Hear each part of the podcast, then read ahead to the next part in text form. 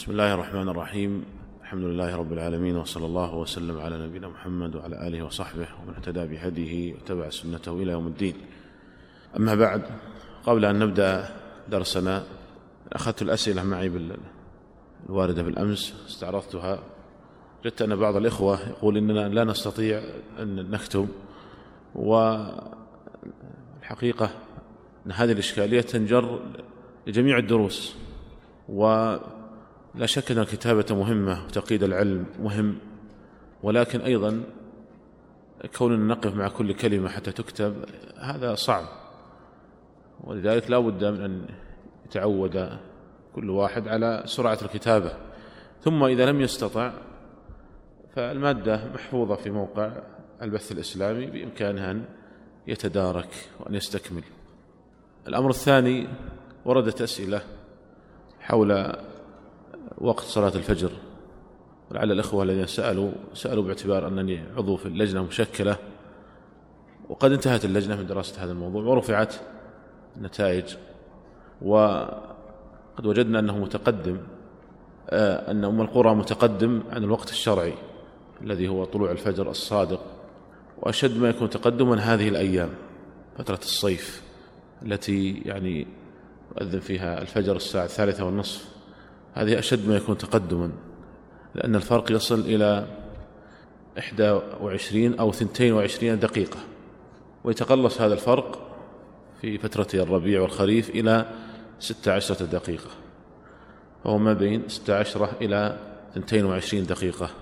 ولذلك الذي نوصي به الاحتياط هذه المسألة ولا يتعجل في إقامة صلاة الفجر. لأن العلماء متفقون على أن من صلى الصلاة وهو يشك في دخول الوقت فإن صلاته لا تصح وهذا بإجماع العلماء. فينبغي التنبؤ لهذه المسألة. بل إنني أقول حتى السنة الراتبة للفجر ينبغي تأخيرها إلى ما بعد هذا القدر. فلو أخرت يعني وهناك تعليمات من الوزارة بألا تقام صلاة الفجر قبل 25 دقيقة. ينبغي على الأقل التقيد بهذا وإن جعلت بعد نصف ساعة فهو آكد. وأكثر يعني تيقنا لدخول الوقت. آه، كنا تكلمنا بالأمس عن الأوراق المالية التي هي الأسهم والسندات عن حقيقتها وعن تكييفها الفقهي. وانتقلنا منها للكلام عن الشركات المساهمة وذكرنا أنواعها. فصلنا الكلام في الشركات المختلطة التي أصل تعاملها مباح لكنها تتعامل بالربا إقراضا أو اقتراضا. ثم انتقلنا الكلام عن الصناديق الاستثمارية الخاصة بالأسهم. وبقي جملة من المسائل المتعلقة بهذا الموضوع نستكملها ثم ننتقل إلى موضوع آخر. نقول آه، فيما يتعلق بالشركات المساهمة آه، نقول إن الأنظمة في جميع دول العالم تفرض على الشركات المساهمة تخصيص جزء من أرباحها ليكون احتياطيا لها وهو ما يعرف بالاحتياطي النظامي. وعندنا هنا في المملكة نص نظام الشركات السعودي المادة رقم 125 على أنه يجب على مجلس الإدارة تجنيب عشرة في المئة من الأرباح الصافية كل سنة لتكوين احتياطي. ويجوز للجمعية العمومية أن توقف هذا التجنيب متى ما بلغ هذا الاحتياطي نصف رأس المال. إذن مفروض على الشركات أن تجعل احتياطيا من الأرباح كل سنة من الأرباح الصافية كل سنة بمقدار عشرة في المئة على الأقل. وهذه النسبة قد تكون كبيرة. في بعض الشركات وهل الشركات تضع هذا المبلغ في حسابات جارية ولا تأخذ عليها فوائد؟ أم أنها تضع هذه هذا المبلغ في الودائع الآجلة وتأخذ عليها فوائد ربوية؟ الواقع أن الشركات إلا ما ندر تضعها في حساب الودائع الآجلة. وتأخذ عليها فوائد ربوية. هذا حال الشركات إلا ما ندر لأن لأنهم يرون أنها أنهم لو وضعوها في حسابات جارية بدون أخذ فوائد ضيعوا آه، عليهم هذه الأرباح أو يسمونها الفوائد. الفوائد الربوية التي يسمونها أرباحا. فهذه الشركات تضعها في في هذه في حسابات الودائع الآجلة وتأخذ عليها فوائد. وهذا هذا هو حال معظم الشركات. هذا هو حال معظم الشركات. ولهذا نقول إنه يجب على المساهم أن يتحرى وأن يسأل عن أعمال الشركة التي يريد المساهمة فيها. لأن أعمال الشركات وإن كانت من حيث الأصل محمولة على الصحة والسلامة إلا أن هذا الأصل قد نازعه ظاهر قوي وهو غلبه الإيداع والاقتراض بفوائد. ولهذا نستطيع أن نقول أن الأصل هو جواز الدخول في المساهمات التي تتعامل بأمر مباح لكن مع ذلك نقول الآن مع الواقع الذي تعيشه الشركات المساهمة الآن أن الأصل في هذه الشركات الآن هو التعامل بالربا الإقراض أو الاقتراض بالربا. ولهذا ينبغي الحذر. لا يدخل الإنسان في شركة بناء على أن الأصل هو جواز الإسهام في, في, الشركات. لأن الآن أصبح الأصل في الشركات المساهمة هو التعامل بالربا الإقراض أو الاقتراض بالربا. هذا هو الأصل وهذا هو حال معظم الشركات. ولهذا يتعين على المساهم أن يتأكد قبل دخوله في أية مساهمة من أن هذه الشركة لا تتعامل بالربا. يتعين على المساهم قبل دخوله. في أية مساهمة من أن هذه الشركة لا تتعامل بالربا لأن المسلم مسؤول عن ماله يوم القيامة. من أين اكتسبه؟ وفيما أنفقه. وبعض الناس يقول أنا لا أدري عن واقع الشركة. أدخل فيها ولا أدري. وهم فقط يقولون يعني ضع أموالك عندنا في, في البنك ونعطيك أرباحا. إن ربحت الشركة. لكن نقول إن هذا لا يعفيه من المسؤولية ولا يبري ذمته لأنه ي... لأن الأصل الآن في الشركات هو التعامل بالربا. ولذلك لا لا يدخل في في مس... أي مساهمة حتى يتأكد من خلو هذه الشركة من التعامل بالربا. لأن الربا أمره عظيم جدا عند الله عز وجل. قد آذن الله تعالى أكل الربا بالحرب ولعن النبي صلى الله عليه وسلم أكل الربا وموكله وكاتبه وشاهديه. وهو أشد من الخمر وأشد من الزنا. ولهذا فعلى المسلم أن يكون حذرا من أن يقع في الربا من حيث لا يشعر. وبعض الناس يقول بأن الجهة الفلانية أو بأن شخصا يقول أعطني مالك ولك في نهاية كل شهر أرباح. ثم يأتي ويستفتي العلماء. ومثل هذا الاستفتاء لا يمكن أن يجاب عنه جواب صحيح. لأنه لا يطرح عليه السؤال فيما تشغل أموالك؟ أما كون الإنسان يقول أعطي فلان أموالي ولا أدري عنها كيف تشغل هذه الأموال وكيف تستثمر؟ خاصة في هذا الزمن الذي قد كثر فيه الربا وعظمت فيه الجرأة على الربا. فإذا لا يعفي الإنسان أن يعطي جهة أو مؤسسة أو شركة أو فردا ماله ولا يدري كيف يستثمر. لا بد من أن يعرف كيف يستثمر. لا بد من أن يعرف كيف يستثمر. وقول بعض الناس بعض المستثمرين لمن سألهم عن ذلك يقول هذا سر المهنة لا تسأل. مالك إلا أرباح في نهاية الشهر. هذا ليس بصحيح. هذا غير مقبول. لأن في الوقت الحاضر انتشر الربا وكثر وعظمت الجرأة عليه. فمن حق هذا الشخص أن يعرف كيف تستثمر أمواله. وقد رأيتم رأينا شركات توزع الأرباح قبل تشغيلها وقبل إنشائها وقبل قيامها. كيف يمكن هذا؟ أن توزع الأرباح على المساهمين قبل أن تبدأ الشركة قبل أن يعني تنهض. هذا معناه أن أموال المساهمين وضعت في بنوك وأخذت عليها فوائد ثم وزعت الفوائد على المساهمين. أه نحن ذكرنا بالأمس رايي العلماء في حكم الدخول في الشركات المساهمة التي أصل تعاملها مباح لكنها تتعامل بالربا اقراضا واقتراضا. وذكرنا أبرز من قال بكل قول ورجحنا القول بعدم جواز الدخول في الشركات التي تتعامل بالربا ولو بنسبة يسيرة. وذكرنا أن هذا هو رأي المجامع الفقهية. ولكن لو أخذ أحد الناس بالرأي الأول وخاصة أن أبرز من قال به الشيخ محمد بن عثيمين رحمه الله ثم سأل كيف أتخلص من الربا؟ لا شك أننا أيضا مع ترجيح القول الثاني نحترم أصحاب القول الأول وهم علماء فاضل ومجتهدون إن أصابوا فلهم أجران وإن أخطأوا فلهم أجر واحد. لو أن أحد أخذ بالرأي الأول ودخل في تلك الشركات التي أصل تعاملها مباح ولكنها تتعامل بالربا فكيف يعرف المقدار المحرم في تلك الشركات؟ آه، الواقع أن تحديد مقدار الكسب المحرم قد يكون متعذرا. تحديد مقدار الكسب المحرم على وجه دقيق قد يكون متعذرا وذلك لأمور.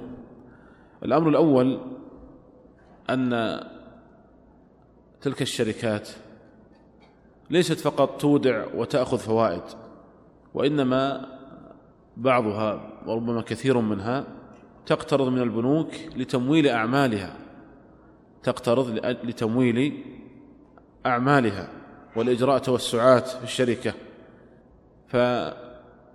فتدخل تلك القروض في أعمال الشركة نفسها فيصعب تحديدها على وجه دقيق. ثم إن من المستثمرين من يشتري الأسهم بقصد المضاربة ويصعب تحديد مقدار الكسب المحرم. ثم أيضا إذا خسرت الشركة فما هو نصيب الكسب الحرام من هذه الخسارة؟ وخاصة إذا علمنا بأن إيرادات الودائع والسندات ثابتة هذا يعني أن الخسارة على من يريد التخلص من الربا ستكون مضاعفة. ثم إن من المعتاد أن الشركة تستثمر جزءا من أموالها إما في شركات تابعة أو في زميل شركات زميلة أو في صناديق استثمارية أو سندات. وقد تكون تلك الأسهم لشركات ذات أنشطة محرمة أو ذات أنشطة مباحة وتتعامل بالفوائد. و وحينئذ يصبح تحديد الكسب الحرام على وجه دقيق متعذرا أو شبه متعذر. ولكن نقول إنه يتحرى ويحتاط ويسأل قسم المحاسبة في تلك الشركات عن مقدار الربا مقدار الإيراد المحرم والربا وهم يعطونه نسبة ولو تقريبية ويزيد عليها احتياطا. لأن معرفتها على وجه دقيق قد يكون كما ذكرنا صعبا أو متعذرا.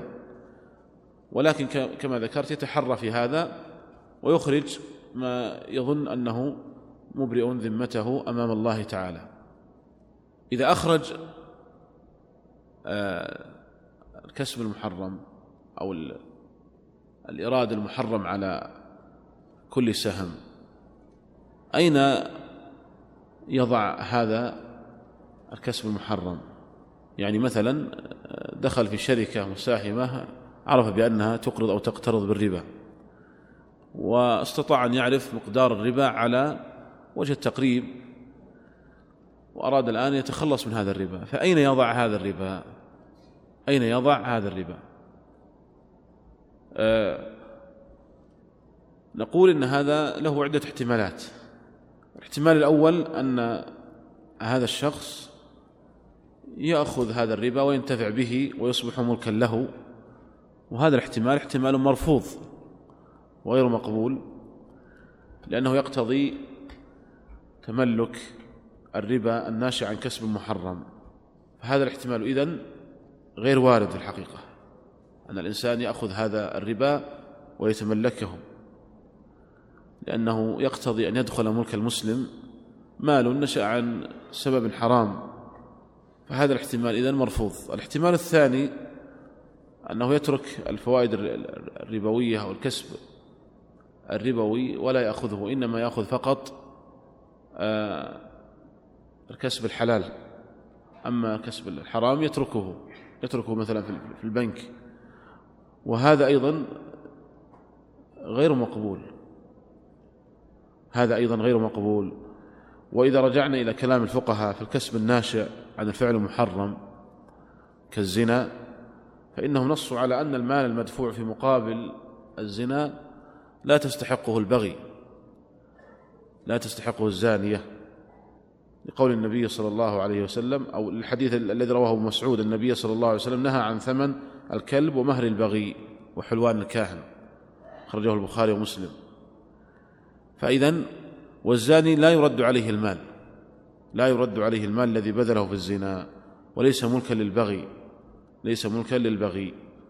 ثم إن ترك ذلك المال المحرم للبنك مثلا أو للشركة يترتب عليه أمور منها الإعانة على الاستمرار في الربا والتجرؤ عليه.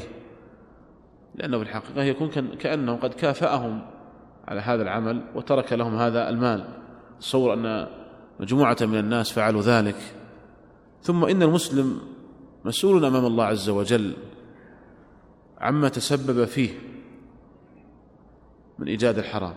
مسؤول أمام الله تعالى عما تسبب فيه من إيجاد الحرام. وتركه لهذا المال هو في الحقيقة تهرب.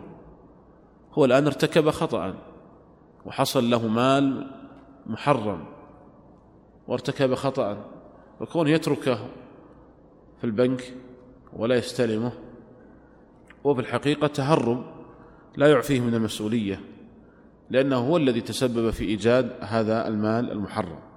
ثم إن المصرف والبنك لا يعد مالكا لهذه الفوائد لا على حسب قوانينه ولا بمقتضى الأحكام الشرعية فبأي حق تترك هذه الأموال؟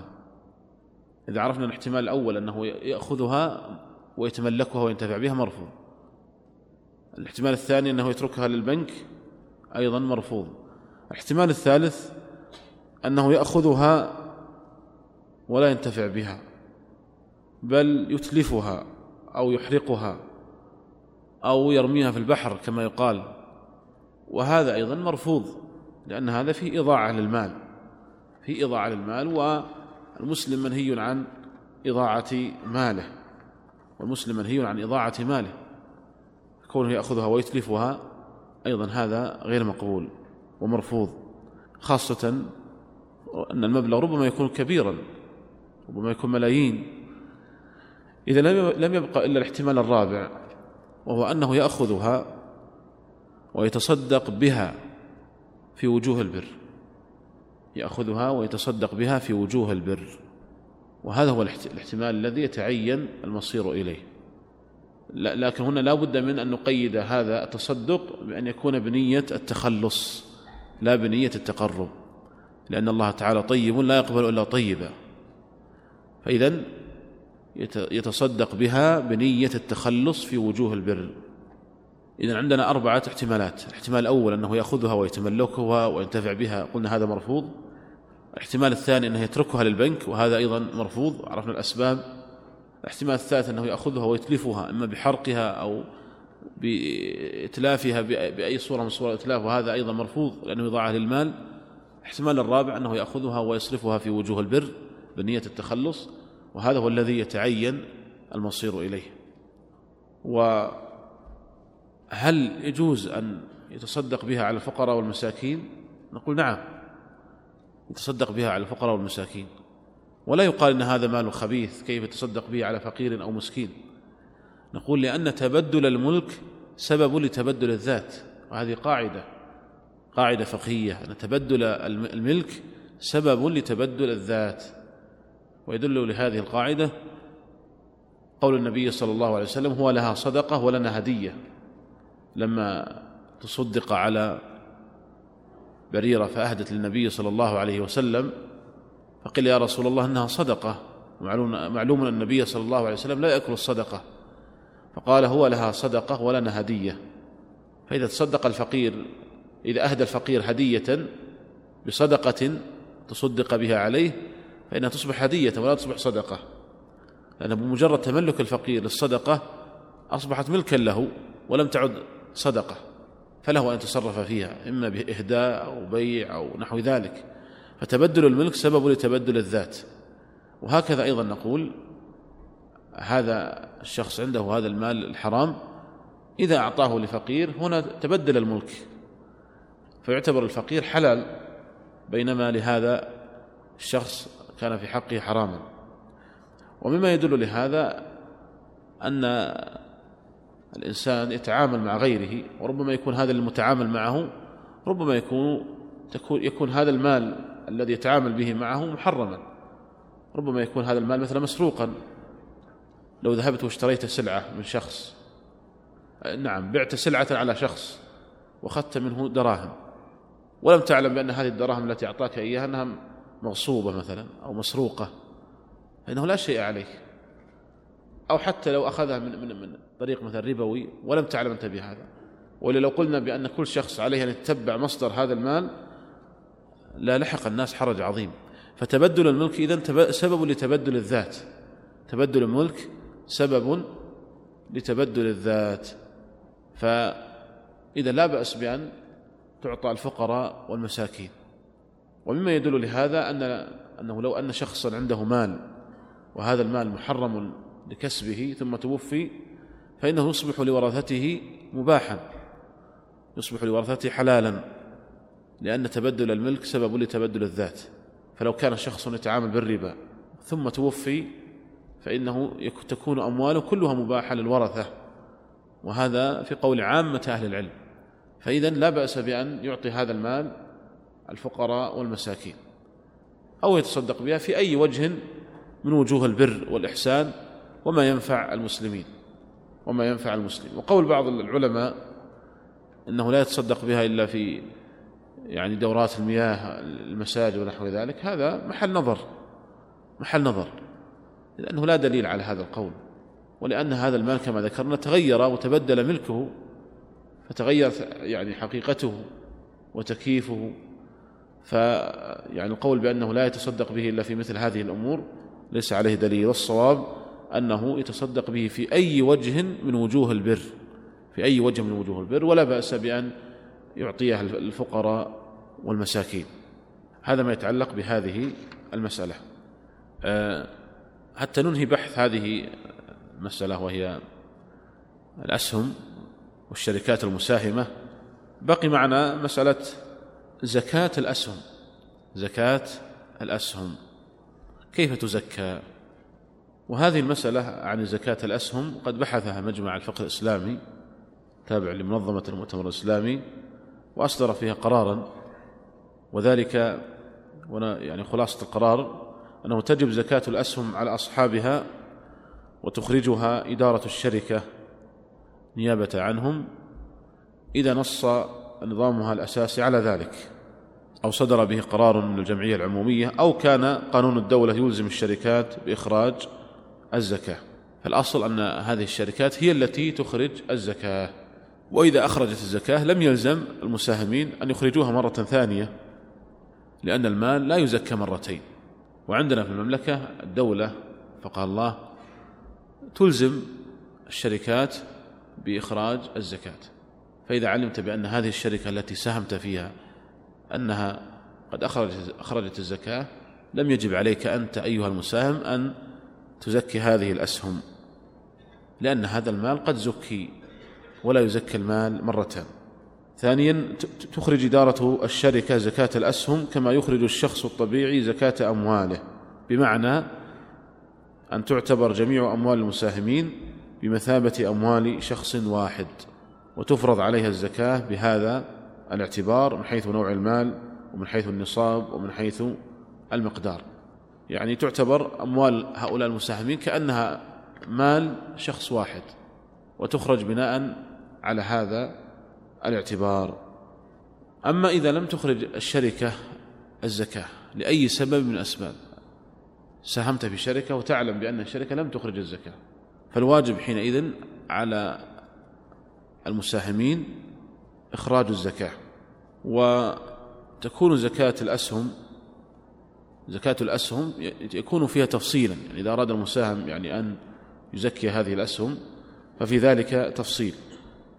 فإن كان المساهم قد اقتنى هذه الأسهم بقصد التجارة بقصد التجارة يعني يبيع ويشتري فيها فإنه يزكي رأس المال مع الأرباح رأس مال الأسهم مع الأرباح يعني حكمها حكم عروض التجارة. حكمها حكم عروض التجارة.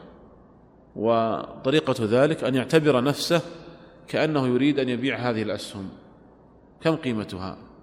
فإذا قيل قيمة هذه الأسهم أربعون ألفا أخرج ربع العشر وهو ألف. أخرج ربع العشر وهو ألف. والمعتبر هنا قيمتها السوقية وليس قيمتها الاسمية والمراد بقيمتها السوقية يعني كما مثلت قبل قليل. يعني قيمتها في السوق. لأن القيمة السوقية قد تكون يعني أضعاف أضعاف القيمة الاسمية فيعتبر نفسه كأنه يريد أن يبيع هذه الأسهم. كم قيمتها؟ هذا المقصود بالقيمة السوقية. ثم يخرج ربع العشر يزكيها زكاة عروض التجارة. أما إذا كان المساهم لا يريد بيع الأسهم وإنما يريد الاستفادة من أرباحها فقط. يريد الاستفادة من أرباحها فقط. هذا يعني يحصل بعض الناس. بعض الناس يقول أنا ما أريد أن أبيع أسهمي في الشركة لكن فقط أريد أن أستفيد من من الأرباح فقط. أريد أن هذه الأسهم تدر علي أرباحا كل سنة مثلا. فهنا يزكي الأرباح فقط يزكي الأرباح فقط. وأما رأس مال الأسهم لا تجب فيه الزكاة. ولهذا جاء في نص القرار فإن كان قد ساهم في الشركة بقصد الاستفادة من ريع الأسهم السنوي وليس يقصد التجارة فإنه يزكيها زكاة المستغلات. فصاحب السهم في هذه الحال لا زكاة عليه في أصل السهم وإنما تجب عليه الزكاة في الريع وهو ربع العشر بعد دوران الحول إلى آخره. فإذا إذا كان لا يقصد آه، التجارة ولا ولا يقصد بيع هذه الأسهم. إنما يريد فقط أن ينتفع بأرباحها فإنه يزكي الأرباح فقط عند تمام الحول عند تمام الحول وأما أصل الأسهم فإنه لا تجب فيه الزكاة. وهذه المسألة محل خلاف لكن هذا هو أحسن ما قيل في هذه المسألة. ولخص الكلام فيها مرة أخرى. أقول بالنسبة لزكاة الأسهم إن كانت الشركة تزكي الأسهم فيكفي ذلك ولا حاجة لأن يزكيها المساهم مرة أخرى. أما إن كانت الشركة لا تزكي الأسهم فإنه يلزم المساهم أن يزكيها. وهنا ننظر إن كان المساهم يعني هنا لها أثر إن كان المساهم قصد باقتناء هذه الأسهم التجارة ويبيع فيها ويشتري فهنا يزكي رأس المال اللي هو أصل الأسهم مع الأرباح. أصل الأسهم مع الأرباح بقيمتها السوقية. أما إن كان المساهم آه، لا ينوي بها التجارة ولا البيع وإنما يريد الانتفاع بريعها وبربحها فقط فهنا تجب الزكاة على الأرباح فقط ولا تجب على أصل السهم ولا تجب على أصل السهم. هذا هو أرجح ما قيل في هذه المسألة وهو الذي كما أشرت قرره مجمع الفقه الإسلامي. هذا ما يتعلق بالأسهم. نعم. أي نعم. الأرباح يزكيها عند تمام الحول. عند تمام الحول لأن لأن الأرباح لا يشترط فيها تمام الحول. فعند الفقهاء أن إنتاج السائمة وربح التجارة حولهما حولي أصليهما حولهما حولي أصليهما. فهذه الأسهم التي تملكها ننظر إلى هذه الأرباح متى ما حال عليها الحول فإنه يزكيها. لكنها تكون هذه تابعة للأصل. هذا ما يتعلق إذا بالأسهم والسندات التي تسمى بالأوراق المالية والشركات المساهمة وما أيضا فرعنا عليه من الكلام عن الصناديق الأسهم الاستثمارية. آه، أيضا ما دام الحديث في الشركات نستكمل الحديث حول الشركات المضاربة. وسبق أن ذكرنا في الدرس السابق أن الفقهاء يقسمون الشركات إلى أقسام شركة العنان وشركة المضاربة وشركة الوجوه وشركة الأبدان. وذكرنا بالأمس تعريف شركة المضاربة. وهي أن يدفع شخص مالا لمن يتجر به ويكون الربح بينهما بحسب ما اتفق عليه. هذا هو معنى شركة المضاربة. ندفع شخص مالا لمن يتجر به ويكون الربح بينهما بحسب ما اتفق عليه. وهذا إما أن يكون مثلا في, في البنوك ومن ذلك الصناديق الاستثمارية. فلو قدر وجود صناديق استثمارية لا تتعامل مع شركات تتعامل بالربا. وإنما تتعامل مثلا في في بضائع أو في أشياء ولا تدخلها الربا بأي وجه من الوجوه فحينئذ يكون التكييف الفقهي لها أنها مضاربة ولا بأس بها. كذلك أيضا بعض الناس يجمع أموالا آخرين ويستثمرها لهم إما مثلا في بناء عقار أو في شراء توريد السلع وبيعها أو في غير ذلك. فهذا أيضا يعتبر مضاربة لأن هذا الشخص منه العمل ومن هؤلاء المال فيكون هذا أيضا مضاربة. وهذا كثير اليوم. آه هذه المضاربة نقول إنه لا يجوز تحديد الربح فيها بمقدار معين من المال. لا يجوز تحديد الربح فيها بمقدار معين من المال بل يجب أن يكون الربح فيها مشاعا يجب أن يكون الربح فيها مشاعا أما تحديده بمقدار معين فهذا في الواقع يتنافى مع حقيقة المضاربة ويجعلها قرضا بفائدة. يجعلها قرضا بفائدة. ففي مثال في مثالنا السابق لو أن شخصا قال أعطني أعطني خمسين ألفا ولك كل شهر لك خمسة آلاف أرباح. فإن هذا لا يجوز. لأن حقيقة هذا هو أنه يقول أقرضني خمسين ألفا بفائدة. وهذه الفائدة أعطيك كل كل شهر خمسة آلاف. فتصبح المسألة تنقلب من كونها مضاربة إلى كونها قرضا بفائدة.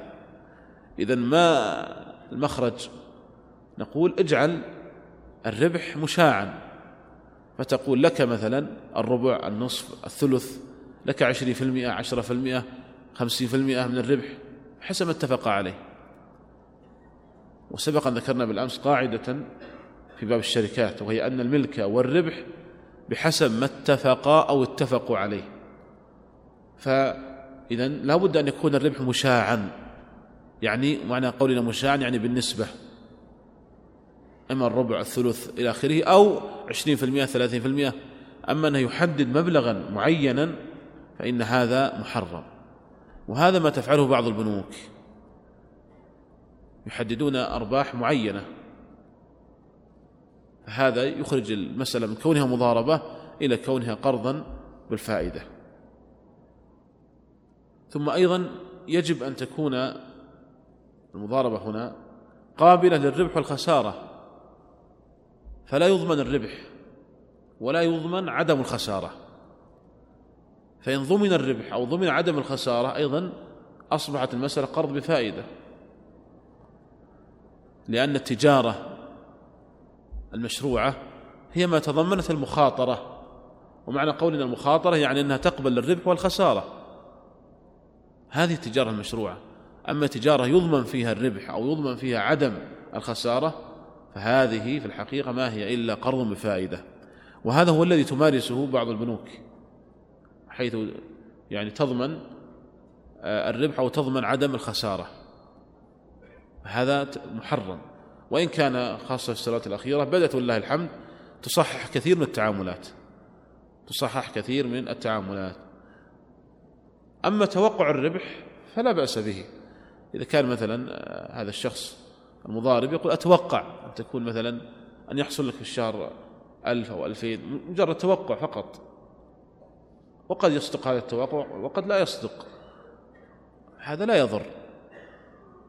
لأنه مجرد إخبار قد يصح وقد لا يصح لكن كلامنا في الالتزام يلتزم له بعدم الخسارة أو يلتزم له بضمان بربح معين هذا هو الممنوع شرعا. وأيضا صدر في هذا قرار من مجمع الفقه الإسلامي التابع للرابطة. نحن قلنا يا إخوان في أول درس منهجنا أية مسألة فيها قرارات من مجامع فقهية أو من هيئات علمية ننقل تلك القرارات لأننا سبقا قلنا إن الاجتهاد الجماعي أقرب التوفيق من الاجتهاد الفردي. فأية مسألة تمر معنا فيها قرارات لمجامع فقهية أو هيئات علمية ننقل تلك القرارات. آه، مجمع الفقهي تابع الرابطة برئاسة سماحة الشيخ عبد العزيز بن باز رحمه الله أصدر في هذه المسألة قرارا في الدورة الرابعة عشرة. قرر المجمع أنه لا يجوز في المضاربة أن يحدد المضارب لرب المال مقدارا معينا من المال لأن هذا يتنافى مع حقيقة المضاربة ولأنه يجعلها قرضا بفائدة ولأن الربح قد لا يزيد عما جعل لرب المال فيستأثر به كله. يعني مثلا لو قال لك أربعة ألاف قد تكون الأرباح كلها أربعة ألاف وحينئذ يستأثر بالربح كله. وقد تخسر المضاربة أو يكون الربح أقل مما جعل لرب المال فيغرم المضارب. قالوا والفرق الجوهري الذي يفصل بين المضاربة والقرض بفائدة الذي تمارسه البنوك الربوية هو أن المال في يد المضارب أمانة لا يضمنه إلا إذا تعدى أو قصر. يعني فلا تضمن الخسارة. والربح يقسم بنسبة شائعة متفق عليها بين المضارب ورب المال. وقد أجمع الأئمة الأعلام على أن من شروط صحة المضاربة أن يكون الربح مشاعا بين رب المال والمضارب من غير دون تحديد قدر معين لأحدهما. هذا ما يتعلق بهذه المسألة. فإذا يجب ألا يحدد مقدار الربح ويجب أن تكون آه، التجارة مبنية على الربح والخسارة تكون قابلة للربح والخسارة فلا تضمن عدم الخسارة ولا يضمن الربح وأن يكون الربح مشاعا. آه، الخسارة من الذي يتحملها؟ الخسارة يتحملها رب المال وأما المضارب الذي هو العامل لا يتحمل خسارة لا يتحمل خسارة. ففي مثالنا السابق هذا الشخص أعطيته خمسين ألفا وقلت قلت له اتجر بها ضارب بها والربح بيننا أنصاف لك خمسين في المئة ولي خمسين في المئة. لنفترض أن هذا المضارب خسر فهل يتحمل شيئا من الخسارة؟ نقول لا يتحمل. هو في الحقيقة خسر جهده. هو في الحقيقة خسر جهده. فلا يتحمل شيئا من الخسارة. الخسارة كلها عليك أنت رب المال. وقد نص على هذا الفقهاء رحمهم الله. بل ذكروا أنه حتى لو شرط عليه لو شرط رب المال على المضارب عدم الخسارة فإن هذا الشرط غير صحيح. لو قال أنا أعطيك خمسين ألف لكن ها أشترط عليك أني أن الخسارة عليك وليست علي. هذا شرط غير صحيح. حتى لو قبل المضارب. واختلف العلماء هل هذا الشرط يبطل العقد أو لا يبطله. فالجمهور على أنه لا يبطله والشافعية ذهبوا إلى أنه يبطله والأظهر هو قول الجمهور في هذه المسألة. فإذا الخسارة يتحملها رب المال ولا يتحملها المضارب حتى لو شرط ذلك عليه. وبهذا أيضا صدر قرار مجمع الفقه الإسلامي التابع لرابطة العالم الإسلامي فإنه قد قرر بأن الخسارة في مال المضاربة على رب المال في ماله ولا يسأل عنها المضارب إلا إذا تعدى على المال أو قصر في حفظه. نعم إذا تعدى أو فرط فهنا يتحمل المضارب الخسارة بسبب تعديه أو تفريطه. لكن إذا لم يتعدى ولم يفرط فالخسارة إنما يتحملها رب المال. لأن مال المضاربة مملوك لصاحبه والمضارب أمين عليه ما دام في يده ووكيل في التصرف فيه والوكيل والأمين لا يضمنان إلا في حالة التعدي والتقصير. والمسؤول عما يحدث في البنوك والمؤسسات المالية ذات الشخصية الاعتبارية هو مجلس الإدارة لأنه الوكيل عن المساهمين في إدارة الشركة. والحالات التي يسأل عنها مجلس الإدارة هي الحالات التي يسأل عنها المضارب الشخص الطبيعي فيكون مجلس الإدارة إذن مسؤولا أمام أرباب المال عن كل ما يحدث في مال المضاربة من خسارة بتعد أو تفريط بتعد أو تفريط. أما إذا لم يكن هناك تعد ولا تفريط فإن الشركة أو البنك لا يتحمل شيئا من الخسارة. وعلى المساهمين محاسبة مجلس الإدارة عن التعدي أو التقصير. فإذا عرفنا ما يتعلق بمسألة الربح والخسارة في شركة آه، المضاربة. هذه هي أبرز الأحكام المتعلقة بهذه آه، بهذا الموضوع يعني الشركات. وإن كان الأمر يعني أو الكلام أوسع من هذا وبعض الإخوة اقترح في الأوراق التي أخذتها بالأمس أن نتوسع في الكلام عن الشركات الموجودة في النظام السعودي وشرحها وتكييفها وفي الواقع أن هذا سيأخذ منا وقتا كثيرا وربما يكون على حساب موضوعات أخرى أهم. ونحن ذكرنا أن منهجنا في هذا الدرس هو أن نركز على المسائل الواقعية التي يحتاج إليها الناس. ولذلك نقتصر في كل موضوع على الأهم فيه حتى نغطي معظم الموضوعات الموجودة والواقعية والتي يكثر التساؤل عنها إذا هذا ما يتعلق بالأوراق المالية وكذلك أيضا موضوع آه، الشركات. ننتقل بعد ذلك إلى موضوع آخر وهو الأوراق النقدية. الأوراق النقدية. آه، الأوراق النقدية هي موجودة قديم الزمان. قد كانت في عهد النبي صلى الله عليه وسلم آه، تسمى بالدراهم والدنانير الدراهم والدنانير الدراهم تمثل الفضة والدنانير تمثل الذهب. وأول من ضرب النقود في الإسلام هو عبد الملك بن مروان سنة أربع وسبعين.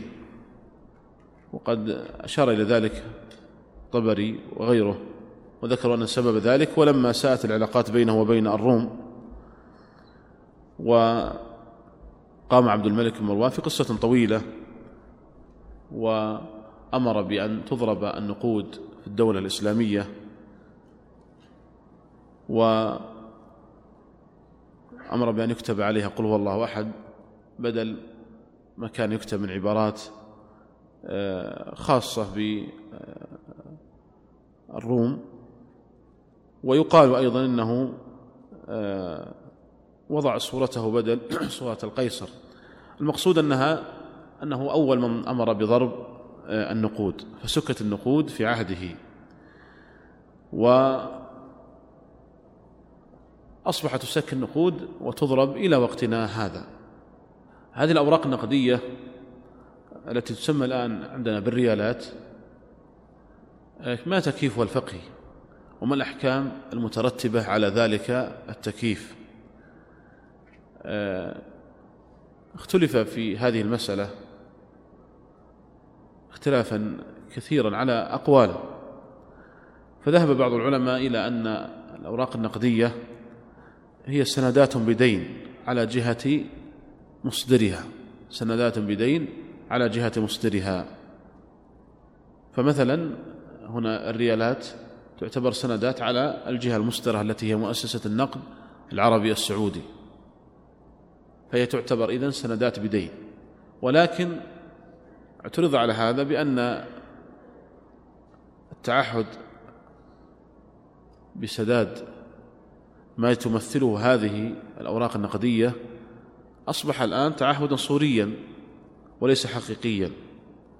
وإن كان حقيقيا في بداية استعمالها لكنها الآن أصبح صوريا يعني في السابق يمكن ربما بعضكم يذكر كان يكتب على الأوراق النقدية تتعهد مؤسسة النقد العربي السعودي بأن تدفع لحامل هذه الورقة قيمتها. كان هذا يكتب في السابق. الآن لم يعد يكتب فأصبح هذا التعهد تعهدا في الحقيقة صوريا وليس تعهدا حقيقيا. ولذلك لو أن شخصا ذهب الآن لمؤسسة النقد وقال أعطوني بدل هذا الريال أو بدل مئة ريال أعطوني بدلا عنه ما يمثله من ذهب أو فضة ما أعطوا شيء. ربما سخر منه. فأصبح إلى هذا تعهد صوري ليس تعهدا حقيقيا. هذا هو القول الأول في المسألة. القول الثاني أن هذه الأوراق النقدية تعتبر عرضا من العروض. تعتبر عرضا من العروض. و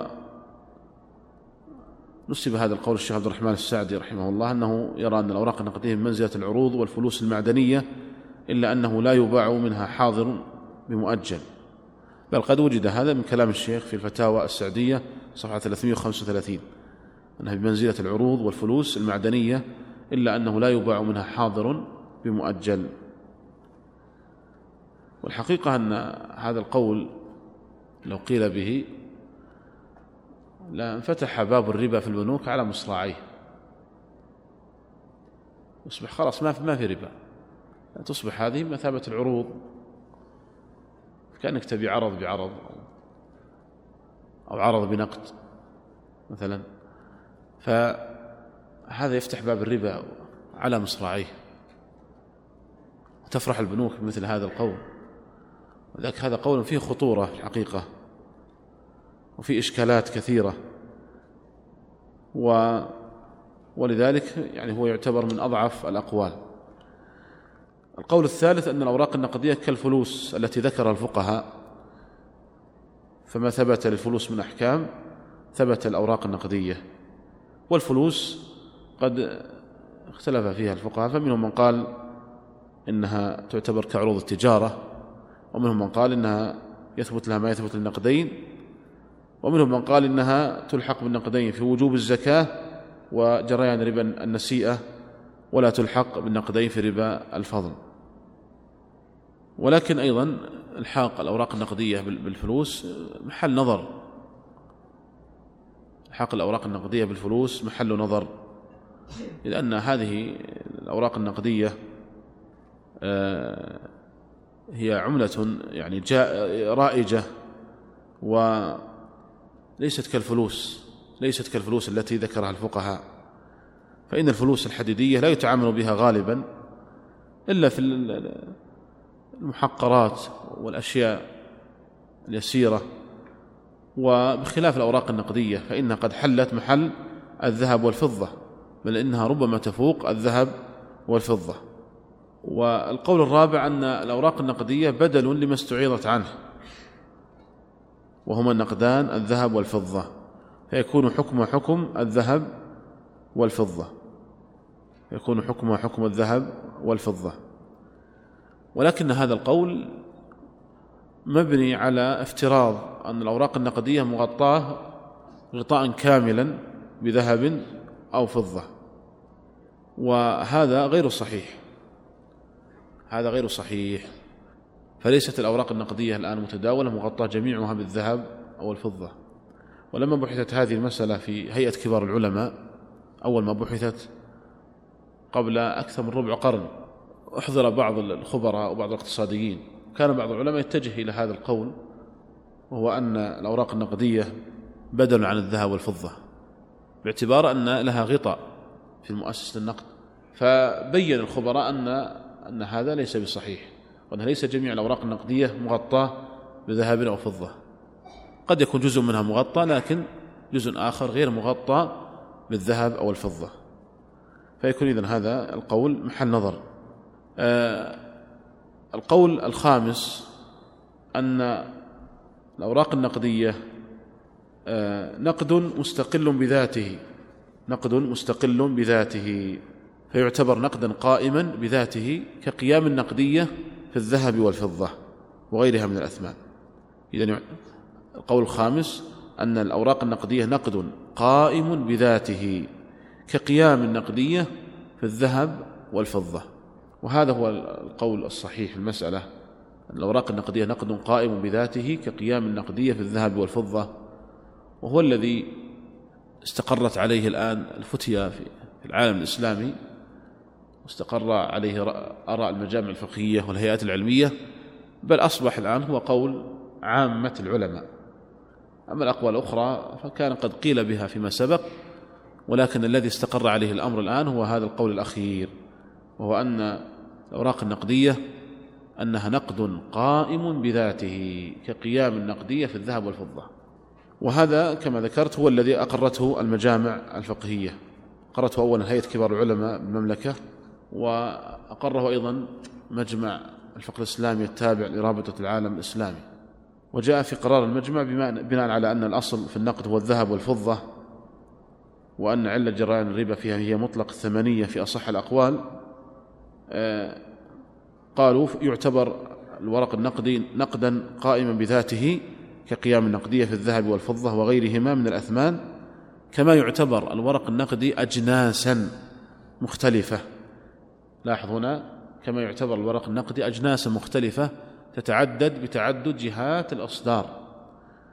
بمعنى أن الورق النقدي السعودي جنس والورق النقدي الأمريكي جنس والليرة جنس والجنيه جنس واليورو جنس إلى آخره. وبذلك يجري فيها الربا بنوعيه فضلا ونسيئة كما يجري الربا بنوعيه في النقدين الذهب والفضة. وهذا كله يقتضي ما يأتي. المسائل المترتبة على هذا القول ما يأتي. أولا لا يجوز بيع الورق النقدي بعضه ببعض. إذا كان من جنس واحد إذا كان من جنس واحد. فمثلا ريالات السعودية بريالات السعودية لا بد من التقابض والتماثل. وعلى هذا ترد مسألة في صرف العملات. عندما تريد أن تصرف مبلغا ولنفترض أنه 500 ريال. ذهبت لمن يصرف لك هذه 500 قال والله الآن ما عندي إلا 400 أعطيك الآن 400 و100 ريال أعطيك إياها فيما بعد. فإن هذا لا يجوز لأنه يشترط التقابض والتماثل. يشترط التقابض والتماثل. وهذه مسألة يحصل فيها الخطأ من بعض العامة. عند الصرف تجد أنه يصرف آه، الفئة النقدية من جنس واحد ولا يحصل التقابض والتماثل. يصرف 500 مثلا ب 400 والباقي يقول أعطيك إياه فيما بعد. يكون هنا قد وقع في الربا. يكون هنا قد وقع في الربا. فلا يجوز مثل هذا التعامل. وينبغي التنبه والتنبيه على هذه المسألة. لكن لو أنه اشترى انتبه للفرق بين هذه المسألة والمسألة السابقة. لو أنه اشترى من محل من بقالة مثلا اشترى سلعا وأعطى خمسمائة وكان يعني قيمة ما اشتراه أربعمائة ريال. وقال الباقي فيما بعد. هذا لا بأس به. لأن هذا ليس صرفا. هذا ليس صرفا. ليس هنا مصارفة. إنما فقط أعطاه قيمة آه، هذه السلع التي اشتراها. وما تبقى يعني بقي دينا بقي دينا في ذمة البائع. هذا ليس صرفا. المسألة الممنوعة هي مسألة الصرف. يصرف 500 ب 400 والباقي يعطيك إياه فيما بعد. هذا هو الممنوع. أما عند بيع الورق النقدي مع اختلاف الجنس فيشترط التقابض لأن القاعدة إذا اختلفت الأجناس فبيعوا كيف شئتم إذا كان يدا بيد. إذا اختلفت الأجناس فبيعوا كيف شئتم إذا كان يدا بيد. فإذا نقول الورق النقدي لا يخلو إما أن يكون الجنس واحدا أو مختلفا فإن كان واحدا اشترط التقابل والتماثل إن كان مختلفا اشترط التماثل فقط. مثال ذلك أردت أن تصرف ريالات بدولارات. فهنا يشترط التقابض فقط. هنا يشترط التقابض فقط ولا يشترط التماثل. ثالثا ما يترتب على هذا قالوا يجوز بيع بعضه ببعض من غير جنسه مطلقا إذا كان يدا بيد فيجوز بيع الليرة السورية واللبنانية بريال السعودي مثلا. وهذا يعني أشرنا إليه لأن, لأن ذلك يعتبر بيع جنس بغير جنسه ولا أثر لمجرد الاشتراك في الاسم. لكن ترد علينا مسألة وفي في صرف العملات. إذا أراد أن يصرف ريالات سعودية ورقية بريالات معدنية مثلا يقول اصرف لي هذه العشر ريالات بأحد عشر من المعدن أو العكس مثلا فهل هذه مسألة تجوز أو لا تجوز؟ اختلف العلماء في هذه المسألة. فمنهم من أجازها وقال لأن الجنس هنا مختلف فهنا ورق وهنا معدن وقاعدة إذا اختلفت الأجناس فبيعوا كيف شئتم إذا كان يدا بيد. فيصرف عشرة ريالات ورقية بأحد عشر معدني أو العكس. ومنهم من منع هذه المسألة وقال إن الجنس في الحقيقة هو واحد والجهة المصدرة واحدة. ففي الريالات مثلا الجهة المصدرة هي مؤسسة النقد. ثم إن القيمة الشرائية واحدة أيضا. فقيمة هذا الريال الورقي هي قيمة هذا الريال المعدني. فكيف نعتبرهما جنسين؟ وهذا القول هو الأظهر والله تعالى أعلم. وحينئذ بناء على هذا القول لا يجوز في صرف العملات أن تصرف ريال أن تصرف ريالات ورقية بأخرى معدنية مع التفاضل.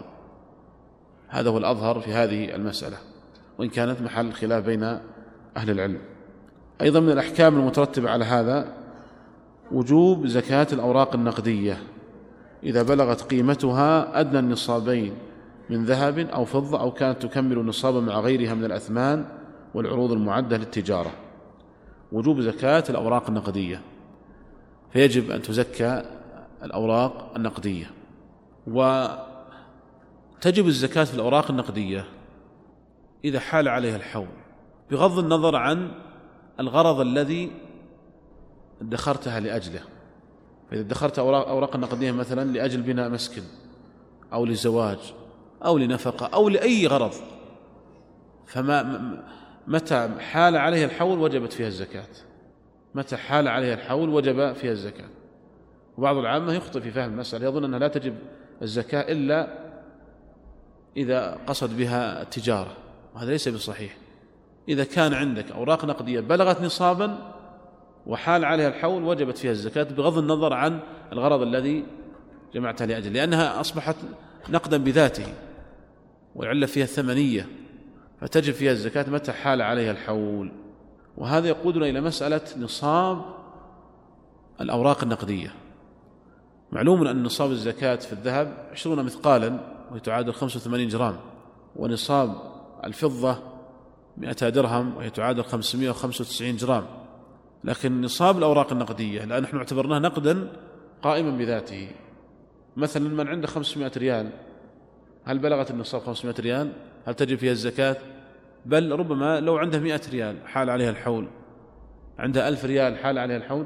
إذا كيف نعرف نصاب الأوراق النقدية؟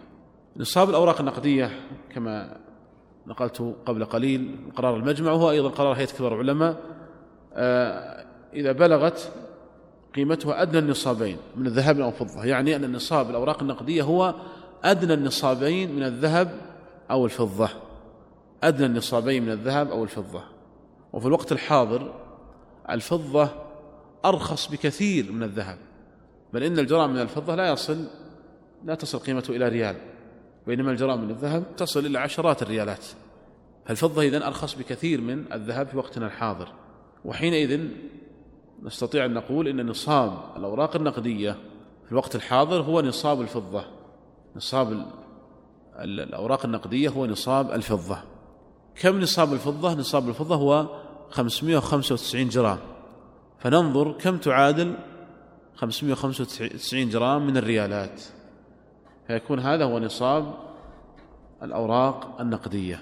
طيب كم تحديدا؟ هذا يختلف.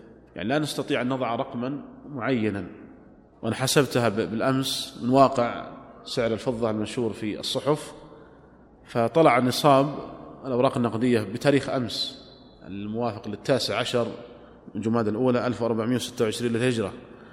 آه، النصاب 522 ريال. بتاريخ أمس 522 ريال. وكنا قد حسبناها قبل سنتين وكانت الفضة رخيصة أرخص من الآن. آه، كانت 316 ريالا. قبل سنتين 316 ريالا. والآن 522 ريال. فهي إذن تتراوح ما بين 300 إلى 500 تتراوح ما بين 300 إلى 500 ولكن ينبغي يعني أنبه على مسألة. السعر الموجود المكتوب في الصحف والذي ينشر عبر وسائل الإعلام ليس هو سعر الفضة بالجرام وإنما هو سعرها بالأنصة تحتاج إلى تحويلها إلى جرامات. ثم أيضا هو ليس سعر الفضة بالريالات وسعرها بالدولارات تحتاج إلى تحويلها بالريالات. هي تحتاج إلى عملية حسابية تستطيع من خلالها تحويلها إلى جرامات ثم تحويلها إلى ريالات. فإن أردتم أن يعني نشرح هذه العملية أو ما يحتاج. على كل حال تحتاج يعني لعلها يعني في درس قادم تحتاج إلى سبورة. إذا أردت أن نشرح هذه يعني العملية كيف تستطيع من خلال إلقاء نظرة على سعر الفضة في الصحف عبر وسائل الإعلام؟ معرفة نصاب الأوراق النقدية. معرفة نصاب الأوراق النقدية. وهذه الطريقة استفدتها من يعني أهل الخبرة وهم حقيقة قلة. الآن لو ذهبت كثير من أصحاب محلات الذهب ما يعرف تقول كم يعني سعر الفضة بالجرام؟ يعني أكثر المحلات ما تبيع فضة يبيعون ذهبا. وثم أيضا قد لا يفيدك. ثم المقصود هنا الفضة الخالصة الفضة الخالصة. لكن هناك يعني مجموعة من المحلات أو من يملكون الخبرة آه، يعني أفادوني بهذه الطريقة. هذه يعني الطريقة لا تجدها في الكتاب لكن آه، عند أهل الخبرة فقط. فعلى كل حال لعلنا إن شاء الله تعالى آه، نشرح هذه المعادلة تستطيع من خلالها تحويل الأنصة إلى جرامات وأيضا تحويل الدولارات إلى ريالات.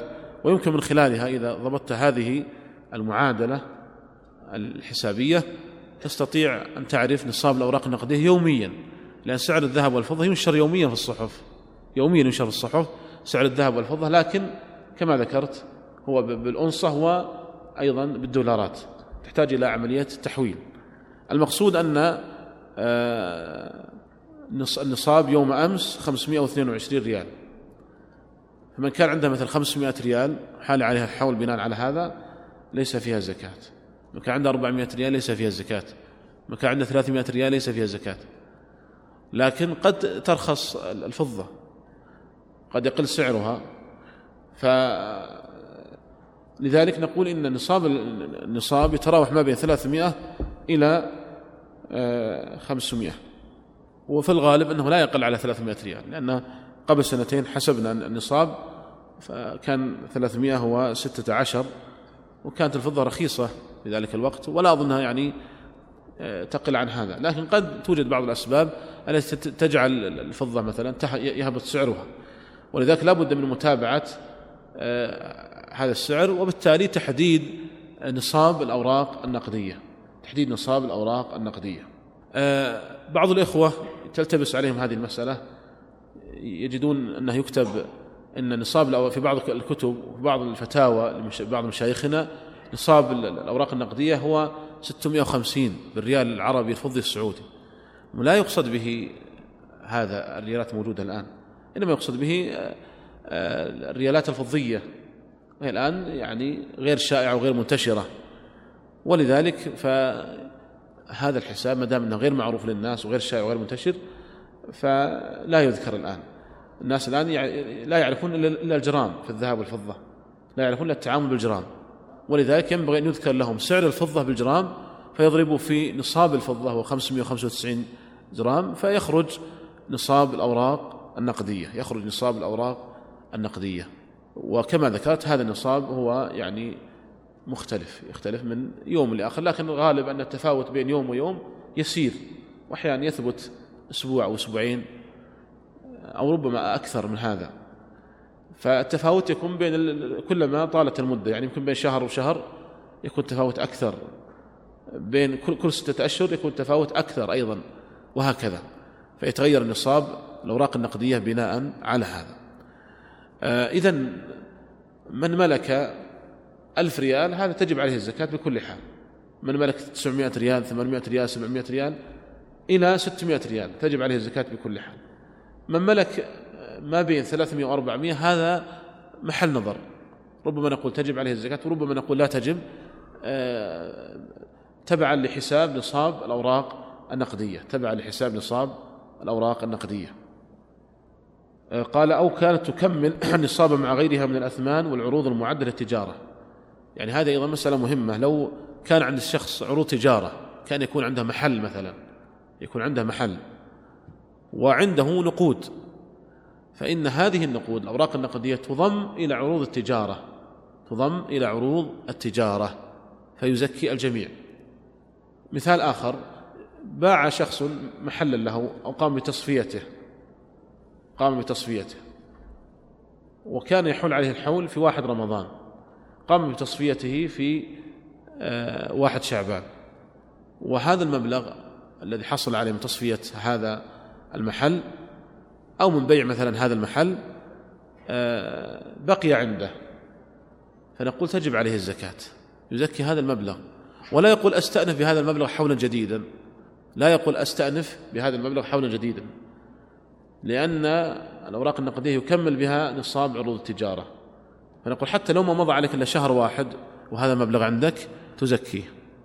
ولا تقول انتظر إلى شعبان العام المقبل لأن في الحقيقة عروض التجارة هي يعني بمثابة النقد المقصود منها النقود. وهذه مسألة أيضا يحصل فيها لبس من بعض الناس. تجد مثلا يبيع عروض تجارة أو يعني تكون عنده أثمان أو لعروض تجارة ويبقى المبلغ الذي باع به عروض تجارة عنده ويستأنف به حولا جديدا وهذا خطأ. يفترض هنا أن يكمل آه، حول عروض التجارة بهذا المبلغ. صحيح لو أنه تصرف في هذا المبلغ انقطع الحول. لو أنه لما باع هذا المحل مثلا تصرف في في هذه هذا المبلغ تصرف فيه بنى به مثلا عقارا أو نحو ذلك هنا ينقطع الحول. أما أن هذا المبلغ باقي عنده فهنا يكمل به نصاب عروض التجارة. رابعا جواز جعل الأوراق النقدية رأس مال في بيع السلم والشركات لأن رأس المال في السلم لا بد أن يكون من النقدين أو ما في معنى النقدين وهو الأوراق النقدية. وهكذا أيضا في الشركات وهكذا في الشركات على قول بعض الفقهاء أيضا. الشركات فيها تفصيل. على قول بعض الفقهاء يشترطون أن يكون رأس المال من النقدين المضروبين على أن المسألة فيها خلاف. لكن بكل حال الأوراق النقدية تقوم مقام الذهب والفضة في كون رأس مال في السلم وفي الشركات كذلك. ونكتفي بهذا القدر ونسأل الله عز وجل للجميع الفقه في الدين والعلم النافع والعمل الصالح والتوفيق لما يحب ويرضى. أحسن الله عليكم فضيلة الشيخ هذا يقول يقول بعد أن يقوم بنك البلاد بالعمل ويتم اكتشاف أن موجودات البنك أقل من الأموال ما هو المخرج؟ نعم لا يجوز تداول أسهم شركة أو بنك إلا بعد التحقق من كون الموجودات أكثر من النقود وإلا أصبحت المسألة من قبيل بيع نقد بنقد مع التفاضل وبيع نقد بنقد مع التفاضل ربا صريح وهذا يقودنا الحديث عن أسهم بنك البلاد. بنك البلاد أسس على أنه بنك إسلامي. أموره يعني طيبة. قد وقفت على يعني أمور هذا البنك. ولكن الإشكالية هنا وأنه يشترط أن تكون موجودات البنك أكثر من النقود وإلا لم يجوز تداول أسهمه. فهل الآن موجودات البنك أكثر من النقود؟ يعني هذه مسألة تحتاج إلى تحقيق المناط الحقيقة.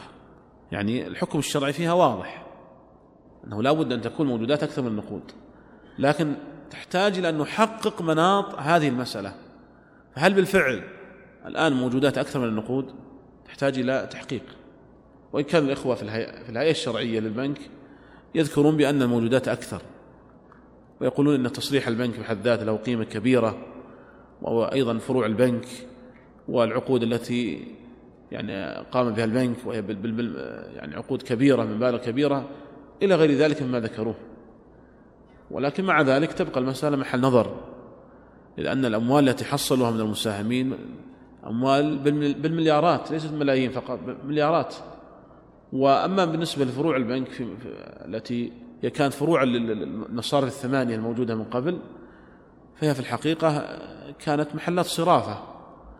والموجود فيها نقود أو أكثره نقود وهنا تبقى المسألة فيها إشكالية. ولذلك نقول إذا أراد من يتملك أسهما في هذا البنك أن يحتاط لا يتعجل في البيع حتى ينهض البنك ويقوم ويكون له مشاريع. ويغلب على ظنه أن موجودات البنك أكثر من النقود. ولكن لو احتاج للبيع وكما ورد في السؤال ما المخرج؟ المخرج هو أن يبيع الأسهم بغير بعملة أخرى. أن يبيع الأسهم بعملة أخرى أو بعرض من العروض. يعني لا يبيعها بنقد حتى لا تصبح المسألة بيع نقد بنقد.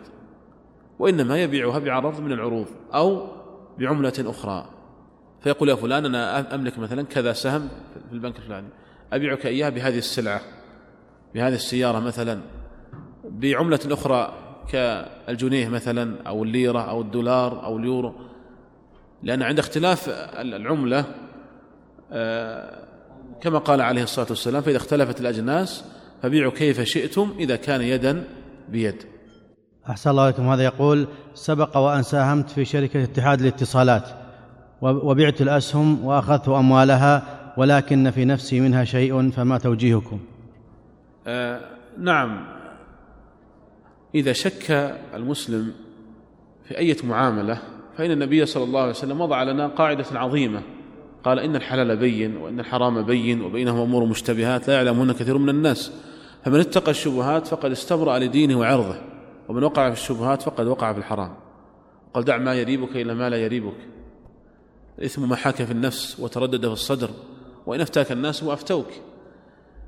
فإذا كان الإنسان يشك في معاملة من المعاملات فيترك هذه هذه المعاملة يتركها. و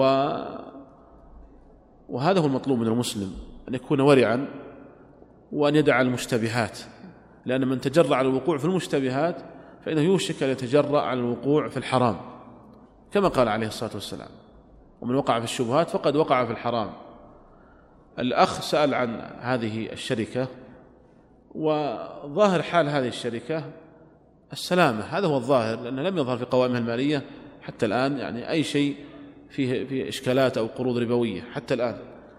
وقد يكون هناك أشياء أخرى لا نعلم بها في الباطن أو أشياء ستظهر في المستقبل. الله تعالى أعلم. لكن المقصود أن الأخ ما دام عنده شيء يعني لم تطب نفسه بهذا فنقول له تصدق بما تطيب به نفسك من الأرباح تصدق بما طابت به نفسك أو ما جادت به نفسك وهذا يكون إن شاء الله مبرئا للذمة أحسن الله لكم يقول لو أن شخصا تعمد الدخول في بنك الربوي ليخرج النصيب الربوي, الربوي لينتفع منه المسلمون فهل له ذلك؟ لا يجوز الإنسان أن يدخل في بنك ربوي وبنية التخلص من الربا لأن دخوله في الحقيقة في البنك الربوي يوجب غضب الله عز وجل ولعنته لعن النبي صلى الله عليه وسلم آكل الربا وموكله وكاتبه وشاهديه فهو سبب للعنة الله عز وجل وغضبه. ولا يبرئ الذمة أن ينوي التخلص من من الربا.